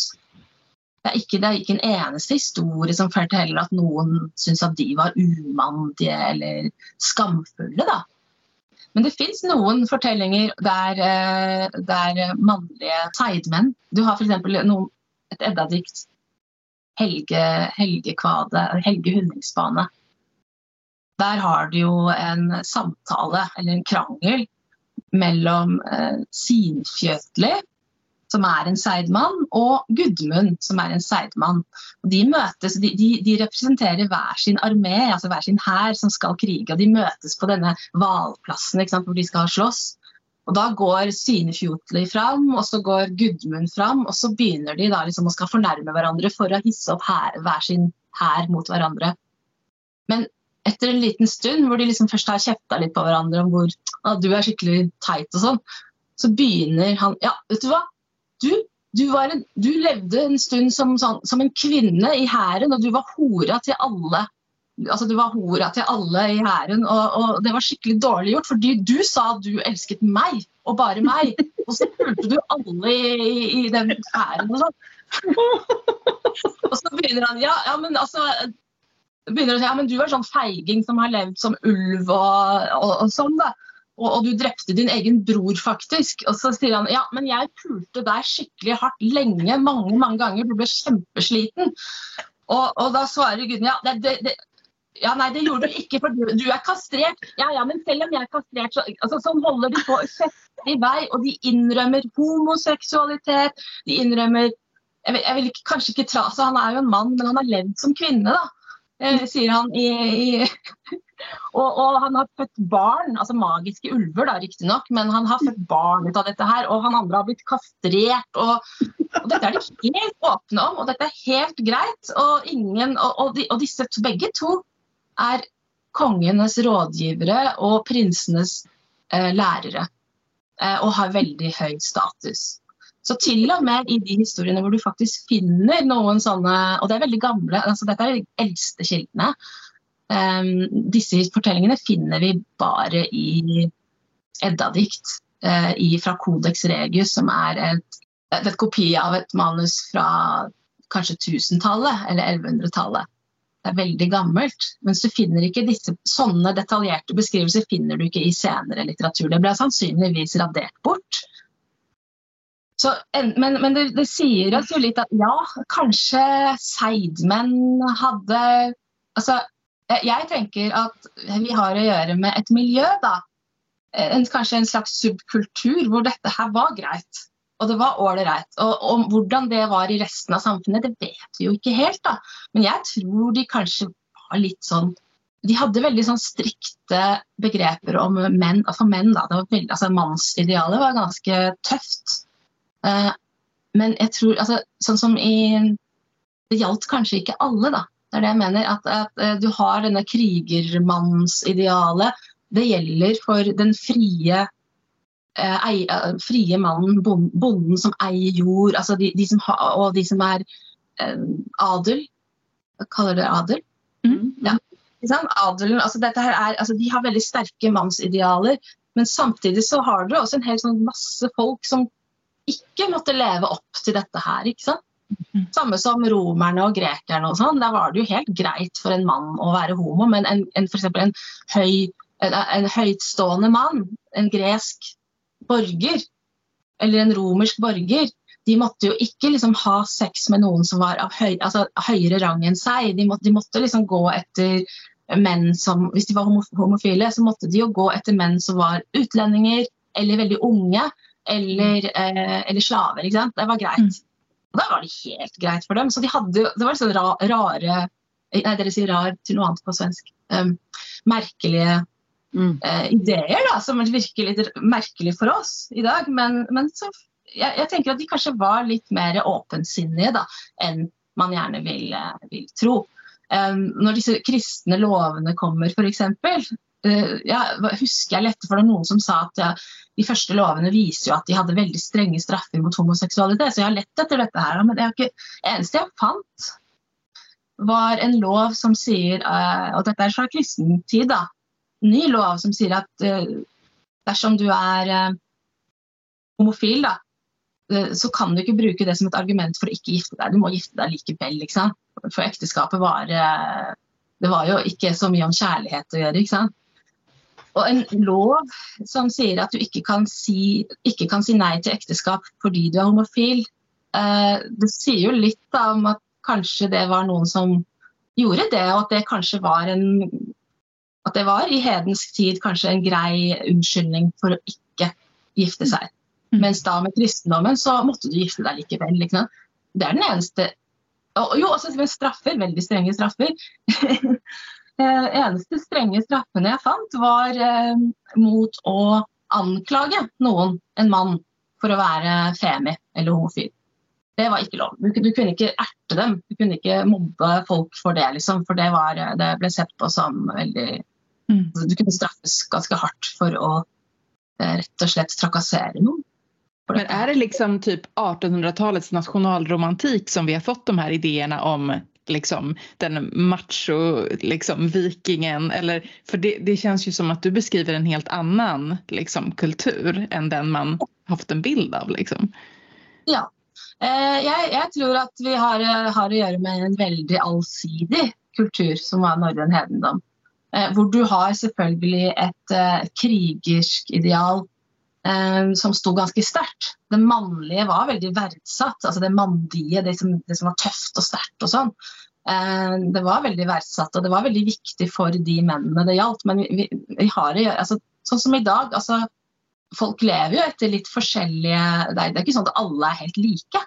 Mm. Det er ikke sånn at alle vi er, ikke sånn uniform samfunn hvor alle går rundt og ser helt like ut og lever helt likt og tenker helt likt. Mm. Det, de gjorde ikke det den gangen heller. Det var, det var nok litt forskjellig. Uh, og, og, jeg tror at særlig når det kommer til de, altså Hvis du ser bare kunsten til folk, så var jeg veldig altså Det er jo ikke noe firkanter, liksom. Det er jo ikke noe uh, st strenge rammer her. Alt flyter over i alt. alt var, jeg tror kanskje folk hadde veldig, veldig På engelsk sier vi fluid, ikke sant? At sinnet er litt åpen. Vi ser jo fra kildene at de har en veldig stor aksept for, eh, for, de som var annerledes, særlig dersom de hadde noe Særlig kanskje innenfor seg, da. Det vil si at eh, om ikke hele samfunnet var veldig åpent, så tror jeg kanskje det gjorde en del unntak. At vi har, noe som, sånn, vi har noen loopholes da, for folk, som f.eks. innenfor Seid, hvor eh, hvor det var greit å være annerledes. For det var jo, det var jo meningen at de skulle være litt annerledes uansett. Sånn mm. at uh, en, som, en, person som var spesialist på seid, en seidmann eller en seidkvinne, var annerledes. Eh, I Vålespa så står det f.eks. at fre, eh, denne seiden ble lært bort til kvinner som var illere bruder, altså dårlige bruder. De som ikke var egnet for ekteskap og være koner. De, de, kunne kanskje heller gå og være seidfolk. Mm.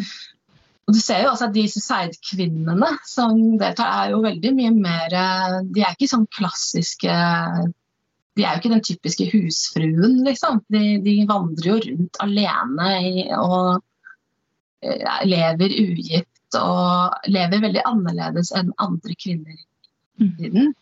Um, de, del, altså de kan jo de kan jo f.eks. delta i kamp, men uten ikke, ikke som skjoldmøyer, liksom, ikke som krigere, men f.eks. ved å eh, ved å gå inn i kampen i en dyreskikkelse. Vi har f.eks. en, en seidkvinne som heter Busla, som deltar i kamp i form av en uh, Hva heter hva kaller de Røyskatt? Eh, weasel? Mm, vesle. Vesle? Mm. Ja.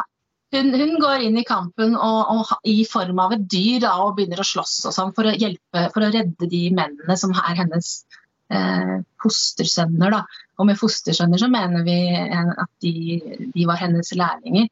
Og det er en annen interessant ting med Seiden, er at eh, masse, masse, masse historier viser at disse seidkvinnene opptrådte som lærere for unge menn. Og det var unge menn som ikke nødvendigvis skulle bli seidmenn, det var unge menn som skulle bli konger f.eks. Eller andre former for vismenn.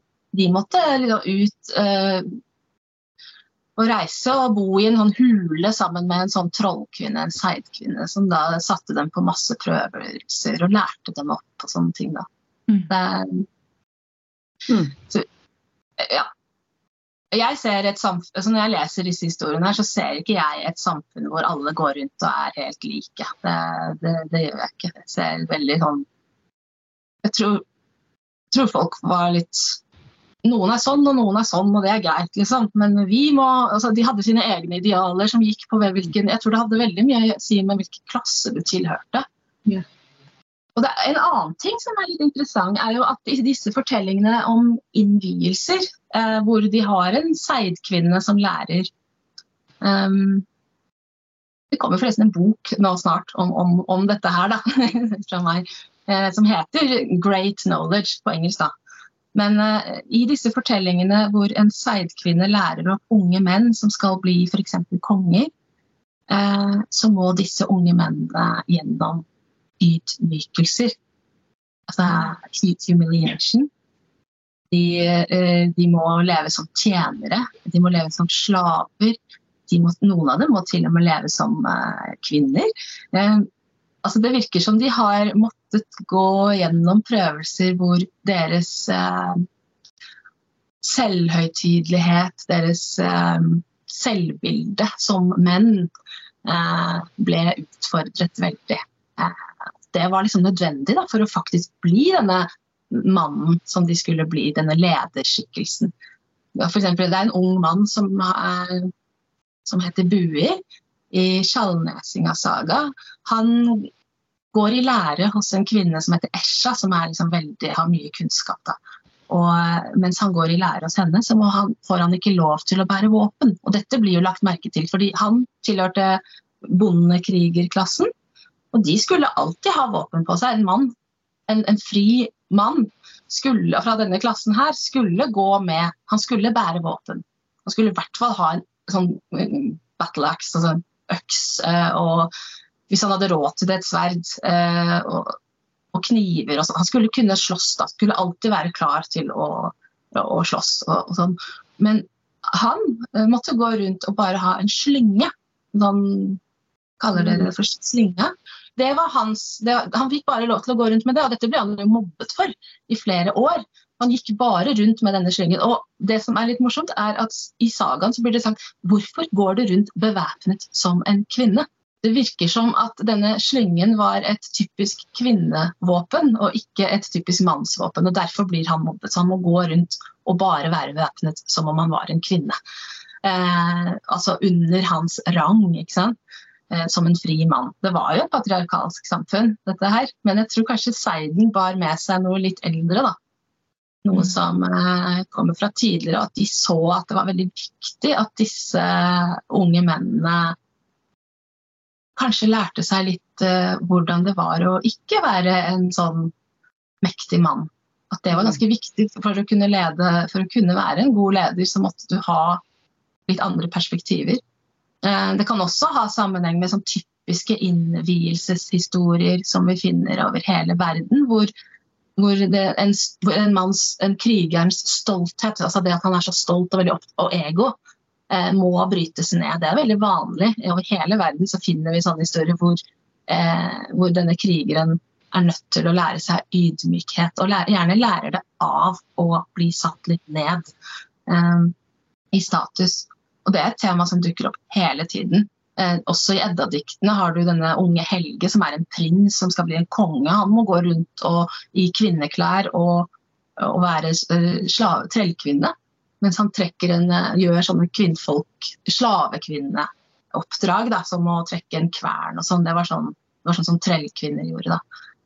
Eh, så det kan jo også ha noe å gjøre med at seiden ble oppfattet som litt sånn ikke helt Altså kristendommen satte jo en stopper for dette her. De skulle jo ikke ha noe sånn at en, en ung mann skulle kunne identifisere seg eller være, liksom, vite eller kjenne til perspektivet til noen som er under han i rang. Men kan man se liksom när, um, alltså jag förstår ju att det är kristendomen som påverkar status på völvor och seidkarer, men kan man liksom se i de här källorna och texterna när det blir mera, mm, när de blir mer farliga, alltså mer skitsnack kring vilka völverna var och när det blir onda? Ja, det har vi. Um, jeg, tror, jeg, vet ikke om det er så mye sånn fra Sverige eh, eller Danmark, men vi har noen sagaer om de norske kongene som, ganske, som, sier ganske mye. Og det har vi ganske mange fortellinger om. Og det har jo særlig å gjøre med Olav Tryggvason, som var den første kristenkongen. Altså, han var ikke den aller første, men han var den første som, med, som bestemte seg for å bruke makt. Eh, før han så hadde du jo hatt eh, Håkon den gode, da, som hadde prøvd å kristne Norge. Eh, og ble jo nærmest avsatt uh, av folket. De, han, han, ble jo valgt på tinget for å bli konge, men, og, og, det ble han fordi han lovte å gi, gi folk tilbake sin odel, altså retten til å eie land. Det var nemlig slik at Da Harald Hårfagre samlet Norge til ett rike, Mm. Eh, så tok han vekk en del gamle, veldig, veldig gamle eh, skikker. Sed. Veldig mange gamle eh, skikker som på som hadde veldig, altså Det var veldig sånn demokratisk, da. De hadde veldig mye ting. eh, altså parlamenter.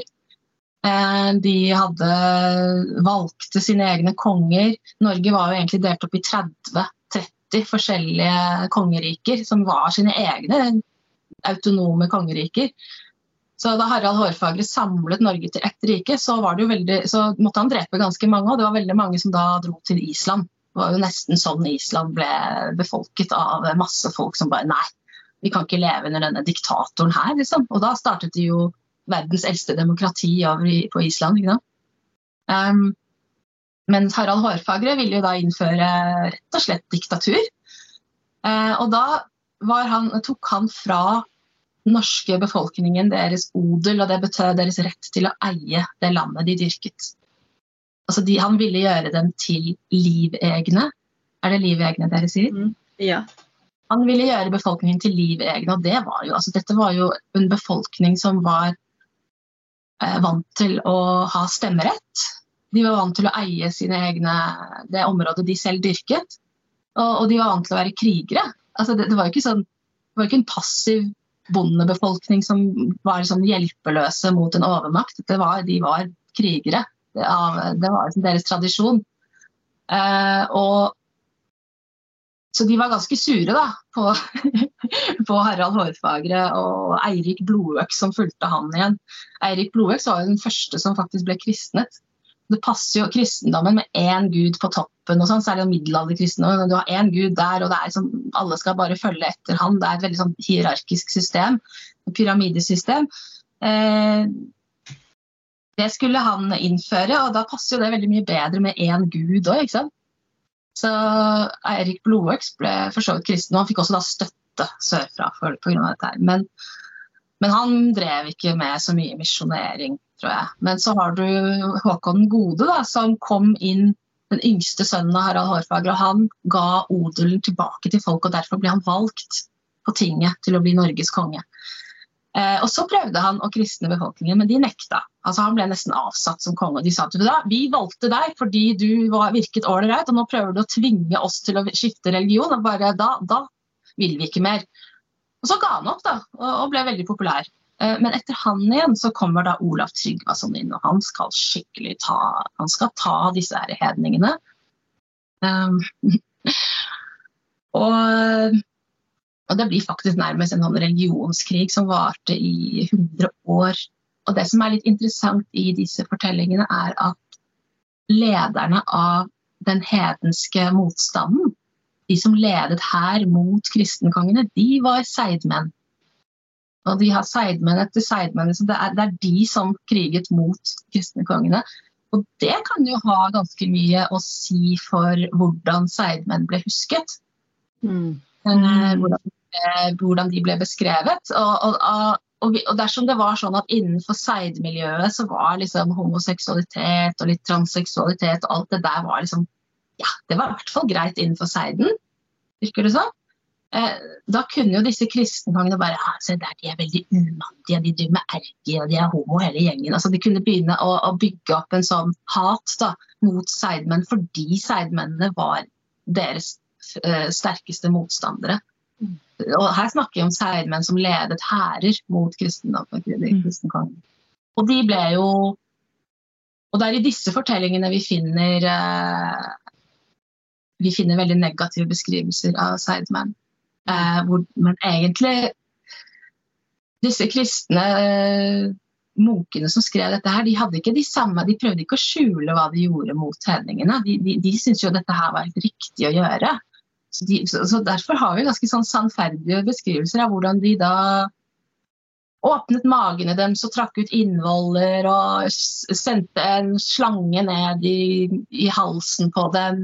De brant dem levende, de satte dem ut på et skjær for å drukne dem. Altså de virkelig forfulgte seidmenn. Ikke seidkvinner, som vi vet om, men seidmenn. De mm. første virkelig heksebrenningene, heksejaktene i, i Norge i hvert fall, var mot seidmenn. Mm. Um, de kvinnelige seidkvinnene de slapp unna i flere hundre år før. Altså det var først med sånn 1500-tallet og protestantismen at uh, liksom denne krigen mot kvinnelige utøvere begynte. Uh, det var nok mennene, altså seidmenn som ble sett på som de verste motstanderne mot kristendommen. Rett og slett de som leder, fordi de ledet hær. De ledet, Mm. krig, de ledet krigere. Mm. Eh, og det at de ledet krigere, sier jo meg at hedningene, disse hedenske mennene, hadde ikke noe problem med å bli ledet av seigmenn. Eh, det var ikke sånn at de så på dem som noe negativt, ser det ut til. De ser ut som at de så på dem som helt naturlige ledere i denne krigen mot den nye påtvungne religionen. Men det där är ju så jätte, jätteintressant alltså. Eh, det också kan förklara varför det i senare källor nästan bara handlar om eh, kvinnliga sejdutövare, alltså völvor och så vidare. Mm. Och sen är det ju det här, det har ju vi pratat om i podden Elin, det här med hur kristendomen kommer in med sina två kön och krossar eh, ursprungsbefolkning, minoritetsbefolkning, hedendom i alla länder för att de behöver ha den där hierarkiska formen. Och gud, det här är så intressant Elin. Vi måste kanske dock ändå börja avrunda och jag tänker att vi måste bjuda in dig igen Maria. Vi har inte ens hunnit prata om jättinnor. Men du, nämnde något i uh, förbifarten om att det kommer en bok snart som handlar om just allt det här. Vad, vad är det för bok?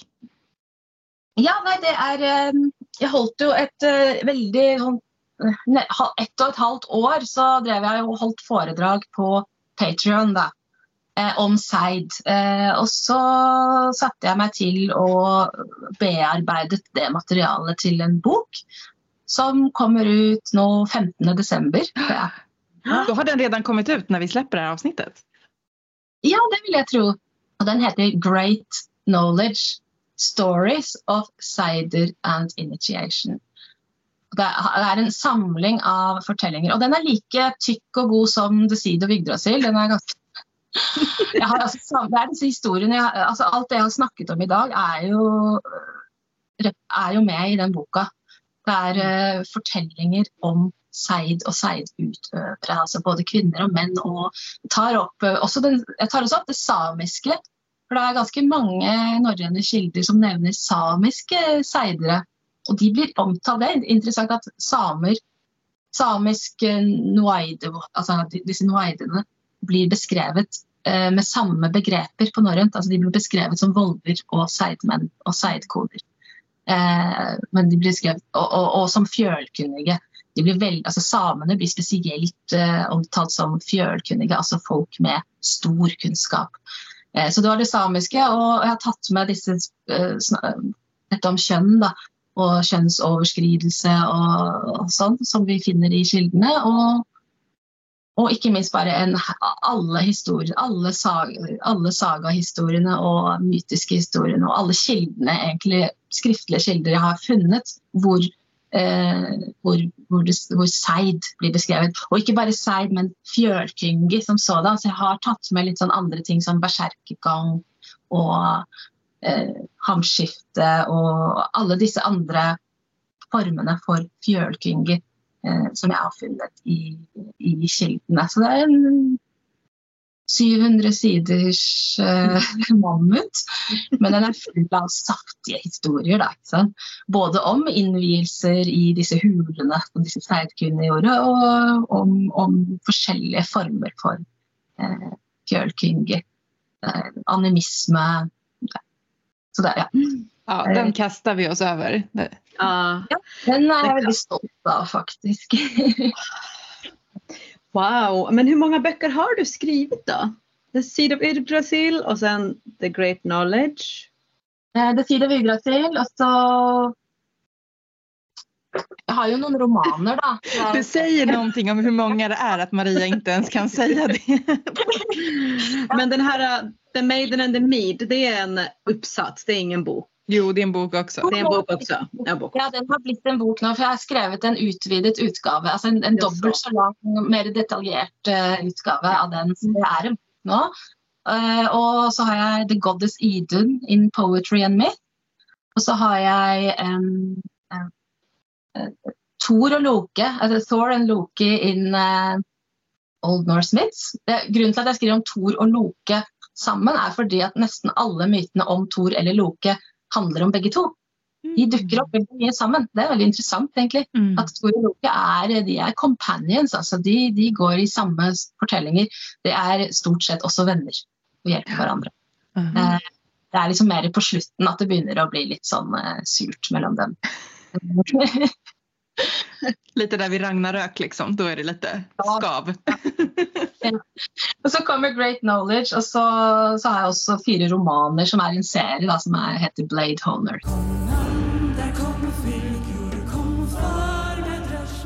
Alle ni som er praktiske utøvere, att verkligen tänka att de källor ni läser, det finns mycket mer till dem som precis som du började din berättelse Maria, att du tänkte att allt var så manligt och allt var så hårt och allt var så här.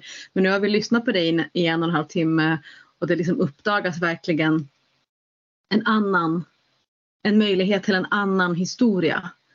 Så mm. det tycker jag är jätteviktigt att få med sig när vi nu utövar magi också och utövar praktik. Att, att, att hela tiden ha den här undersökande eh, blicken även om vi inte är akademiker.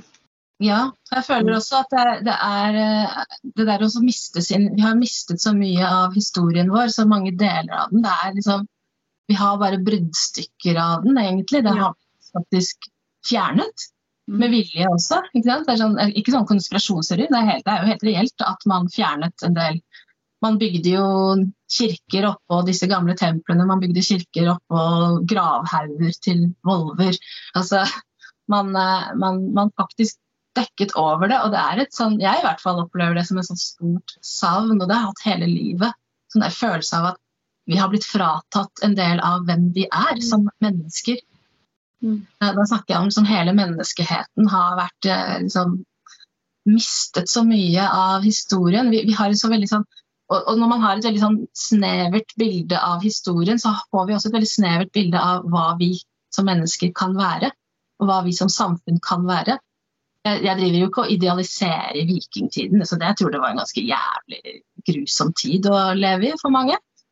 Det var mye slaveri, og det var eh, Man kunne bli tatt som altså, det var pirat. Vikinger er jo, Viking betyr pirattid. Det er jo ikke så veldig gøy for de som ikke var pirater.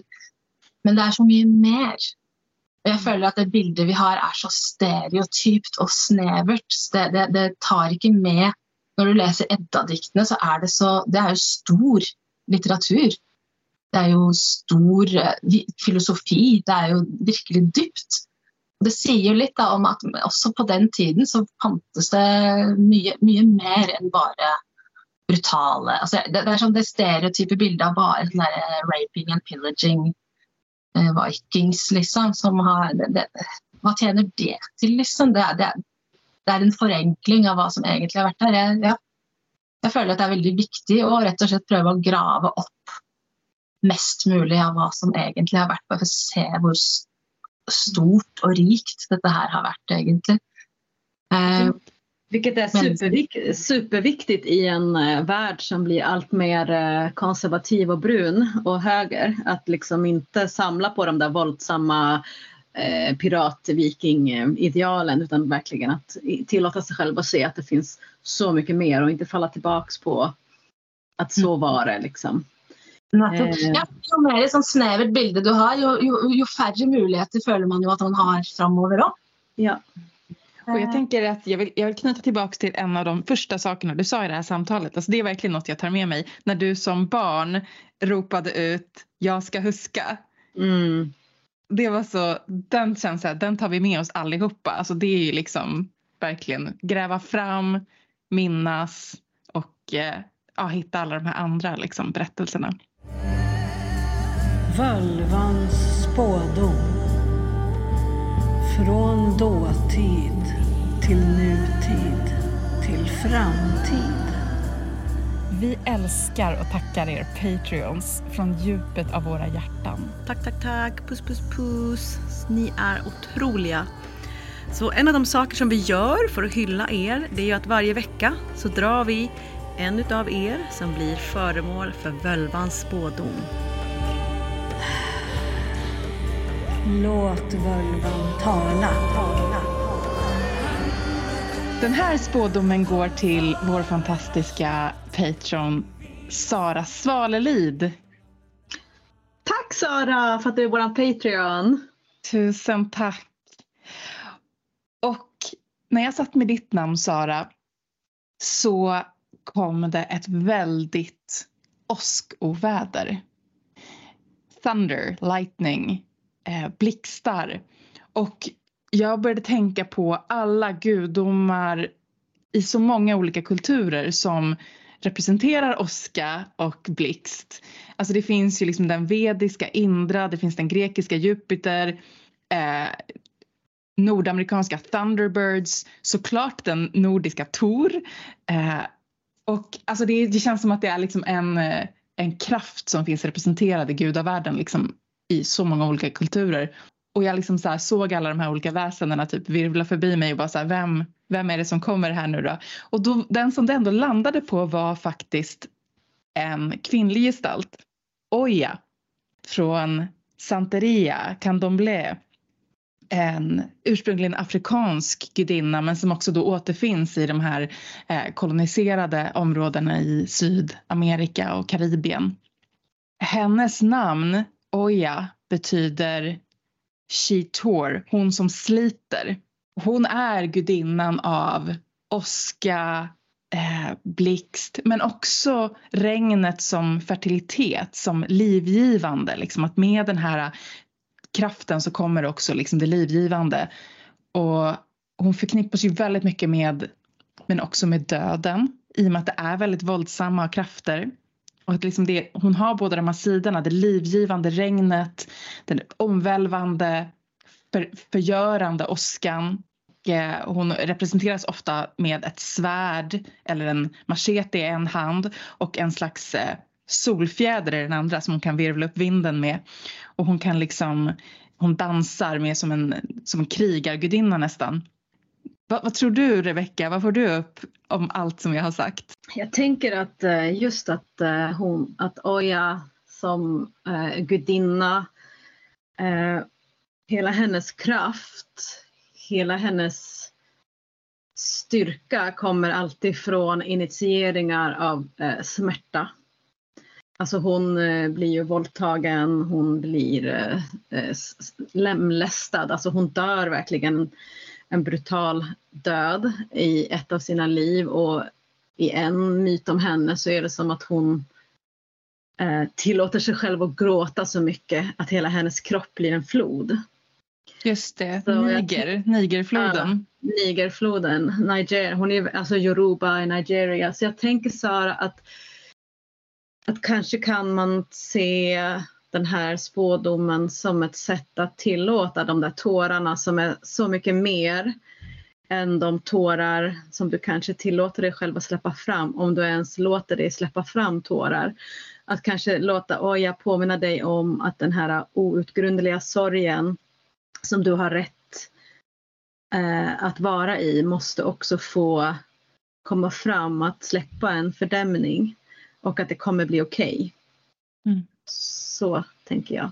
Mm, vad fint. Jag tänker att den här eh, åskan också och blixten, det är ju sånt som kan behövas för att mm. öppna upp eh, öppna upp eh, för nu, nu, nu kanske det inte är sorg, det var jag som sa det, det kan ju vara någon annan känsla som ligger där men att liksom andvaren, den här liksom lightning and thunder, den är så direkt den kraften, det går inte att värja sig.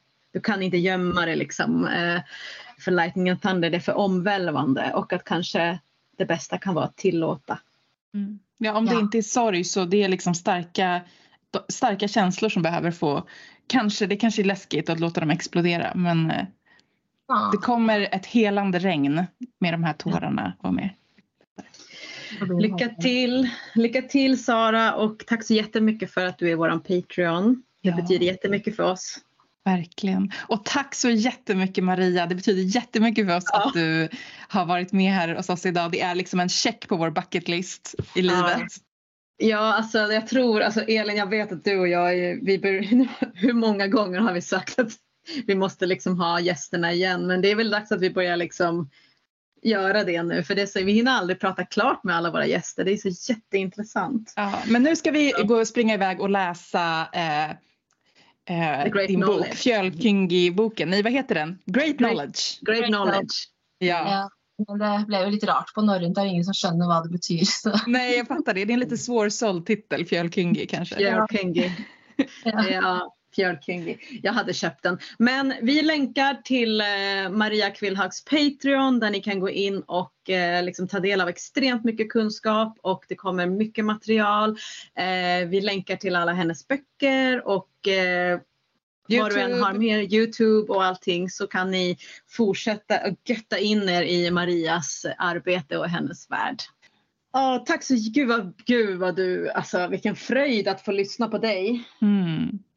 Verkligen. Ja. Tusen, tusen tack. Takk for meg. Det var veldig gøy. Och idag nu när vi sänder det här avsnittet så är det ju det är jul. Det är julafton. Just det!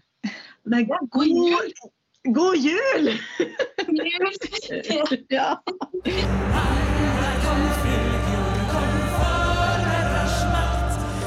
Vill du stödja vår podcast ytterligare så kan du Betygsätta podcasten.